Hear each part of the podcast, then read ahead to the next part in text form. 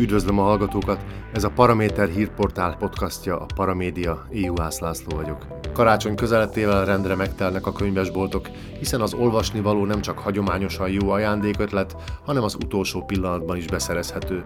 De vajon mennyire a megszokás és mennyire az olvasni akarás miatt emeljük le a boltok polcairól a könyveket? Olvassunk-e még egyáltalán? Ha pedig kevesebbet olvasunk, annak mi lehet az oka? Ezeknek a kérdéseknek a megválaszolására alig ha találhattam volna szakavatottabb válaszadót, mint Nyári Krisztián írót, az Így szerettek ők, vagy a Merész Magyarok könyvsorozatok szerzőjét, aki a Líra könyv ZRT kreatív igazgatója.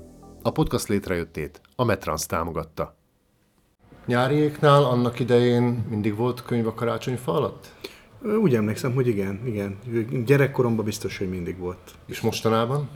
Most is az a furcsa, hogy ugye én abból élek, hogy olvasok, tehát hogy szerzőként is könyvekkel dolgozom, kiadóként is könyvekkel dolgozom, de ennek ellenére nekem is ugyanúgy, mint minden olvasni szerető embernek van egy olyan éli szekrényem, hogy gyűlnek azok a könyvek, amiket majd akkortól kell olvasni, amikor van időm úgy igazából, ami nem a munkámhoz kell nem így belemerülni, és hát az ajándékkönyvek egy része is ott van.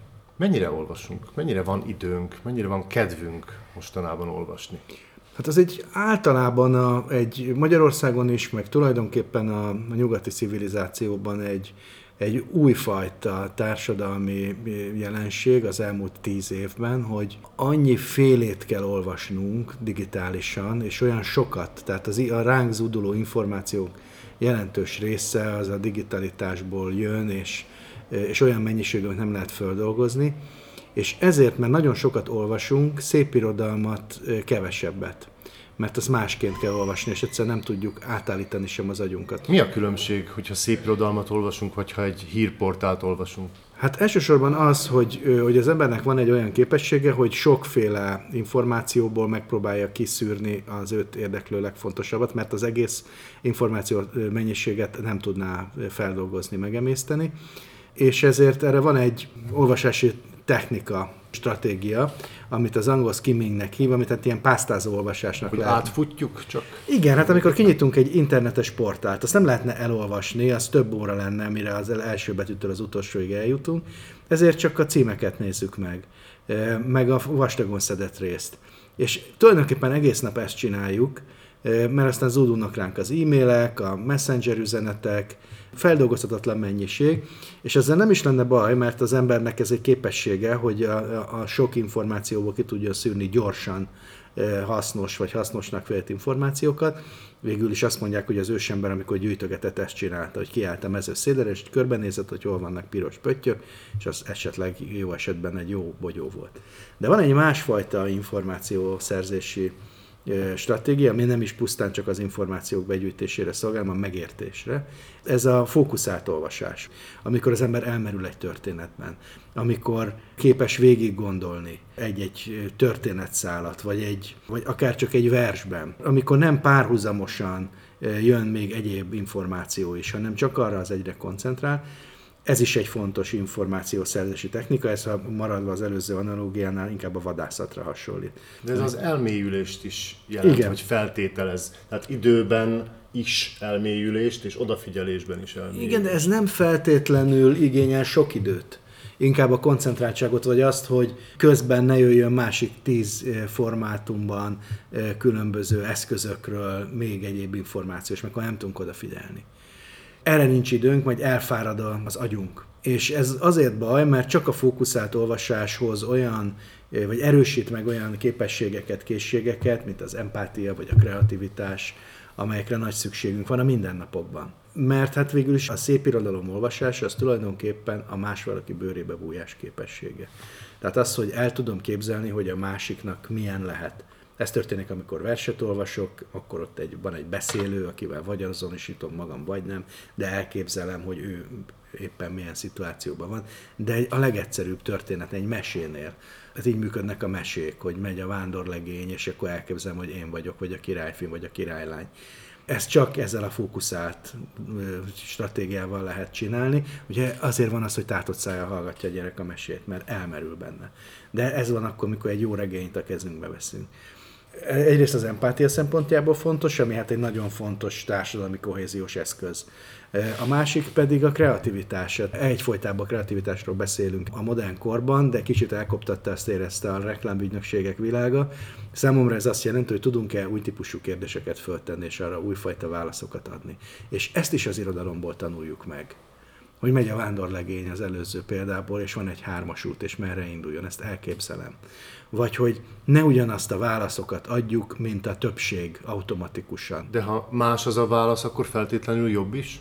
Egyáltalán nem, hanem hogy új utakon el tudunk elindulni, ez a kreativitás. Ennek is nagyon sok köze van ahhoz, hogy, hogy olvasunk-e meg még egy csomó mindennek. Tehát nagyon leegyszerűsítve, hogyha elveszítjük azt a képességünket, hogy hogy fókuszáltan, elmélyülten olvassunk szépirodalmi műveket, akkor ezeket a képességeinket is el fogjuk veszíteni. Kevésbé empatikusak, kevésbé kreatívak, és egyébként kevésbé intelligensek leszünk. Van arra nézve valamilyen hitelt érdemlő adat, hogy hányan olvasnak mondjuk magyar nyelvterületen, vagy Magyarországon? Hát teljes magyar nyelvterületet nem tudom, de Magyarországon készült két évvel ezelőtt egy reprezentatív kutatás, a Tárki végezte, ami azért jó, hogy a Tárki végezte, mert az elmúlt 40 évben ezt már többször megismételték, tehát van egy idősor, és lehet viszonyítani. És azt látjuk, hogy ahogy mindenütt a világon, Magyarországon is csökken a könyvet olvasóknak a száma, de ez a csökkenés szerencsére nem olyan radikális, de már átfordult. Tehát ma már többen vannak, akik egyáltalán nem olvasnak könyvet,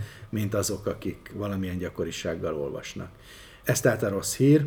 Egyébként van különbség a nemek között, azt látjuk, hogy a férfiak nagyobb arányban hagynak föl az olvasással, mint a nők. A nőknek a többsége, kis többsége még mindig olvasónak számít. Tehát aki mondjuk az előző évben legalább egy könyvet elolvasott, az olvasónak tekintjük. Viszont, ami a jó hír, hogy van 800 ezer felnőtt magyar, ami a 8 millió magyarországi felnőttnek az egy tizede, tehát nem olyan kevés, akik viszont lényegében folyamatosan olvasnak.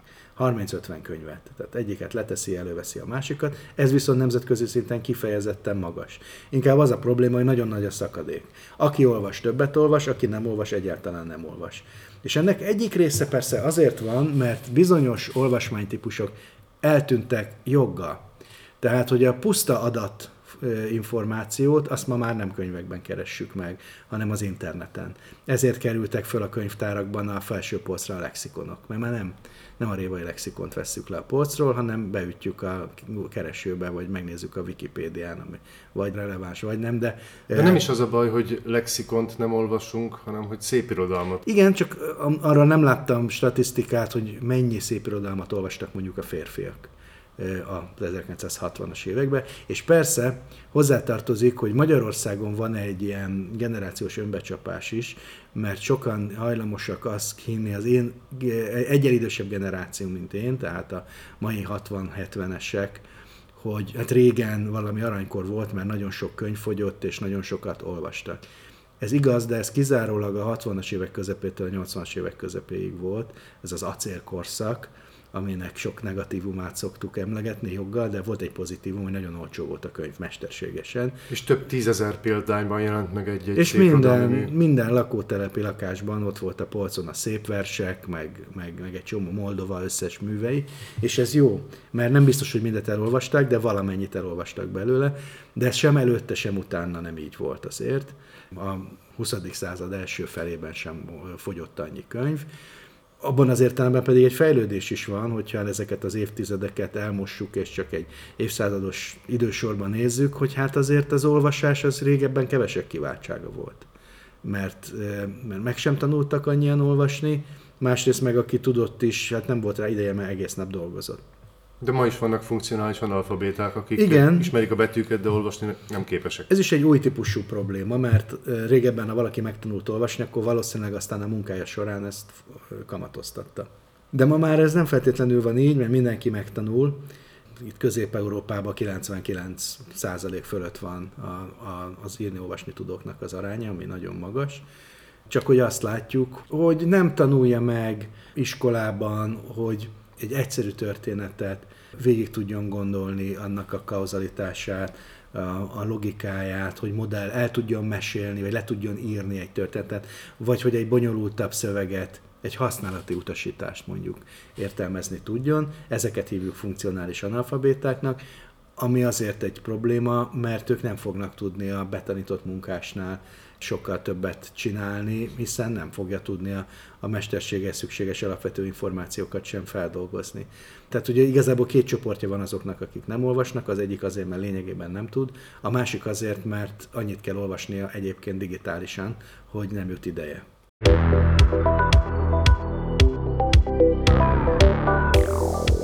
Még az előző témáról eszembe jutott, amikor mondtad, hogy régen, 70-es, 80-as években milyen sokat olvastak az emberek, filérekbe kerültek a könyvek akkor? 90-es években hirtelen piaci ára lett a könyveknek, és hát ahhoz képest, hogy előtte 5 forint volt, hirtelen 25 lett, és az nyilvánvalóan drága volt, miközben hát nemzetközi összehasonlításban sose volt drága.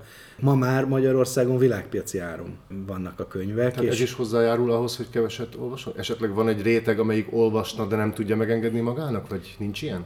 Az a helyzet, hogy van ilyen probléma, hogy nem tud kifizetni könyveket, de ő megoldja. Tehát, hogy akinek fontos az olvasás, az akkor elmegy könyvtárba, vagy hozzájut antikváriumból megfelelő könyvekhez. Szóval azok nagyon kevesen lehetnek, akik anyagi okokból nem olvasnak, mert azért van egy intézményhálózata ennek, és el tud hozzájutni az értékes olvasmány. Általában azt látjuk, hogy növekszik a eladott könyveknek a száma. Hát az idei év az egy speciális év, mely gazdasági válságban vagyunk, de tulajdonképpen a ezredforduló óta évről évre növekszik Magyarországon a könyvforgalom, azért, mert akik olvasnak, ahogy mondtam, többet olvasnak. Tehát nem az olvasók száma nő, hanem az olvasók több könyvet olvasnak. Ez most változik, mert hát több csapás sújtja a könyvszakmát, kezdve attól, hogy a papír világpiaci ára két év alatt tehát meg kétszereződött, sőt, két és félszeresére nőtt, ugye egyre kevesebb pénz van az emberek zsebében Magyarországon, hogy a forint árfolyama az nagyon gyenge, miközben hát egy külföldi könyvnek a jogait azt euróban, dollárban kell fizetni, vagy csomó üzlet bérleti jogát, tehát hogy ezért sok, sok minden miatt drágul a könyv, de azt nem érezzük, hogy akinek ez nagyon fontos, az ne venne. Akkor fog csökkenni, és utoljára ugye a 2008-9-es válság idején tapasztaltuk ezt, amikor elfogy tényleg az embereknek a pénze. Tehát az elején annak, akinek életformája, hogy olvas, ott akkor is megveszi a könyvet tehát hogy mondjam, most itt karácsony előtt vagyunk, amikor az a kérdés, hogy kevesebb pénzünk van, vegyünk el játékkonzolt a gyereknek, vagy vegyünk könyvet, akkor mivel a könyv, még a drágább könyv is olcsóbb, akkor könyvet fog venni.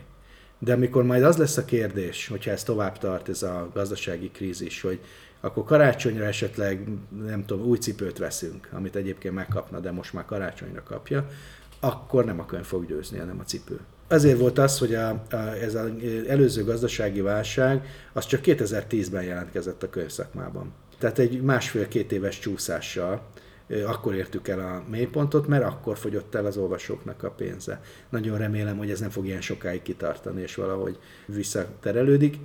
Ez az év, ez, ezen még olyan nagyon nem látszik. Tavaly rekordéve volt az egész világon a, a könyvszakmának, hiszen volt egy világjárvány, ami azt okozta, hogy akiknek volt kultúrára fordítható pénzük, azok könyvet vettek belőle, mert nem tudtak színházba járni, nem tudtak utazni, moziba menni, hangversenyre menni, vagy csak nagyon korlátozott formában. De és az ezért... infláció és az energiaárak növekedése ennek negatív hatása lehet mindenképpen, nem? Abszolút, de tavaly még annyit, akkora volt a növekedés, hogy kompenzálni lehetett, és nem kellett annyit emelni. Tehát ez majd egy-két idén, év múlva Idén ez már nem így van, de még azt látjuk most a, most a könyvesboltokban, hogy kifejezetten jó a forgalom, nem fogjuk az inflációt meghaladó mértékben növelni a könyvkiadóknak a bevételeit, de legalább nem lesz csökkenés. Hogy jövőre mi lesz, az, az, azt egyelőre nem lehet tudni. Miközben Magyarországon most könyvtárak, meg művelődési intézmények, színházak zárnak be, mert nem tudják fizetni a rezsit. A könyvesboltok sokkal kisebb számba zárnak be, mert hát valahol el kell adni a könyveket, és mégiscsak, hát akkor nagyobb lenne a veszteség. Tehát, hogy így vannak bőven veszteséges könyvesboltok, de még nagyobb lenne a veszteség, hogyha ha nem fogynának ott a könyvek, de hogy ez meddig tartható, ezt nem tudom. Nem én teszem fel ezt a kérdést, legalábbis nem saját magamból indulok ki, mert én tudom rá a választ, de kíváncsi vagyok a te válaszodra. Mit mondanál annak, aki azt mondja, hogy fölösleges könyveket venni, hiszen veszek egy elektronos könyvolvasót, egy Kindle-t, mm. letöltök rá 1700 könyvet, és ott van mindig, nem foglal helyet, nem kerül olyan sok pénzbe. Mi a különbség? Hát azt mondanám, hogy akkor tegye. Tehát, hogy végül is ugyanazt a tartalmat fogyasztja, és hogyha neki ez így kényelmes, akkor nyugodtan lehet elkönyvolvasón is olvasni. Van differencia, ezt majd elmondom a végén, de mégiscsak az a helyzet, hogy amikor a, a Kindle-t az Amazon cég kitalálta és a nagy marketing kampányjal bevezette 20 évvel ezelőtt Amerikában, akkor ugye sokadjára ismét a Gutenberg galaxis végét jósolták, hogy akkor mindenki ilyen eszközön fog majd egy-két éven belül olvasni. És Amerikában, ahol ez a legmagasabb arány, ott is csak a teljes könyvforgalom 20%-át teszi ki, és évek óta nem nőtt. 1-2 ot még csökkent is.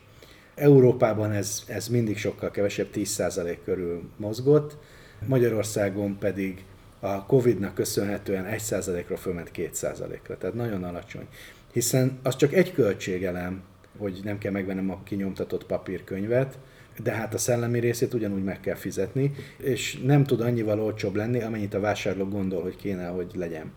Tehát, hogy az van valahogy az emberek fejében, hogyha felébe kerül, mint a könyvesboltban megvető könyv, akkor már megéri, és akkor vesz ilyet, de nem tud annyiba kerülni, például Magyarországon azért, mert egyedül Európában maga az e-könyv, a szolgáltatásnak minősül és a magasabb áfakulcs alá tartozik, ami ugye Európa legmagasabb áfakulcsa, 27 százalék. Tehát ez Mi... nem, nem is áru és nem is könyv valójában? Hát jogilag. És a, maga a könyv az meg kedvezményes áfakulcs alá 5 százalék, tehát hogy nem tud annyival olcsóbb lenni. De valószínűleg van ennek mélyebb oka is, ez pedig az, hogy a könyv az nem csak egy információ hordozó, hanem egy tárgy is, adott esetben ajándéktárgy. Ezért van az, hogy ilyenkor karácsony előtt bonyolódik a könyvpiacnak az egyharmada az egész nyugati világban. Mert szeretünk könyvet ajándékba adni, aki szeret könyvet kapni, az ajándékba a könyvet ad, és fordítva, szeretjük birtokolni, és vannak, akik nem, ők megveszik az elkönyvolvasót. Nekem is van, de én repülőgépre használom. Egyébként Amerikában is az adta neki a lendületet, amikor a fapados gépeken egyszer csak tétel lett, hogy akkor mennyi kilót vihetsz föl, és akkor egyszerűbb volt elkönyvolvasót vinni, mint, mint három vaskos könyvet. De egyébként van egy nagyon érdekes dolog. Végeztek kísérleteket a digitális meg a, meg a nyomtatott olvasás különbségéről. És az derült ki, hogy ugyanazt a novellát, tudom én, azt hiszem, hogy 20 vagy 10 egyetemista elolvasta kinyomtatva, ugyanannyian pedig elkönyvolvason, és akik papíron olvasták, sokkal tovább, később is vissza tudtak emlékezni arra a szövegre, mint akik elkönyvolvason, és kicsit másra emlékeztek. Ez a varázsa? Vagy ennek van tudományos...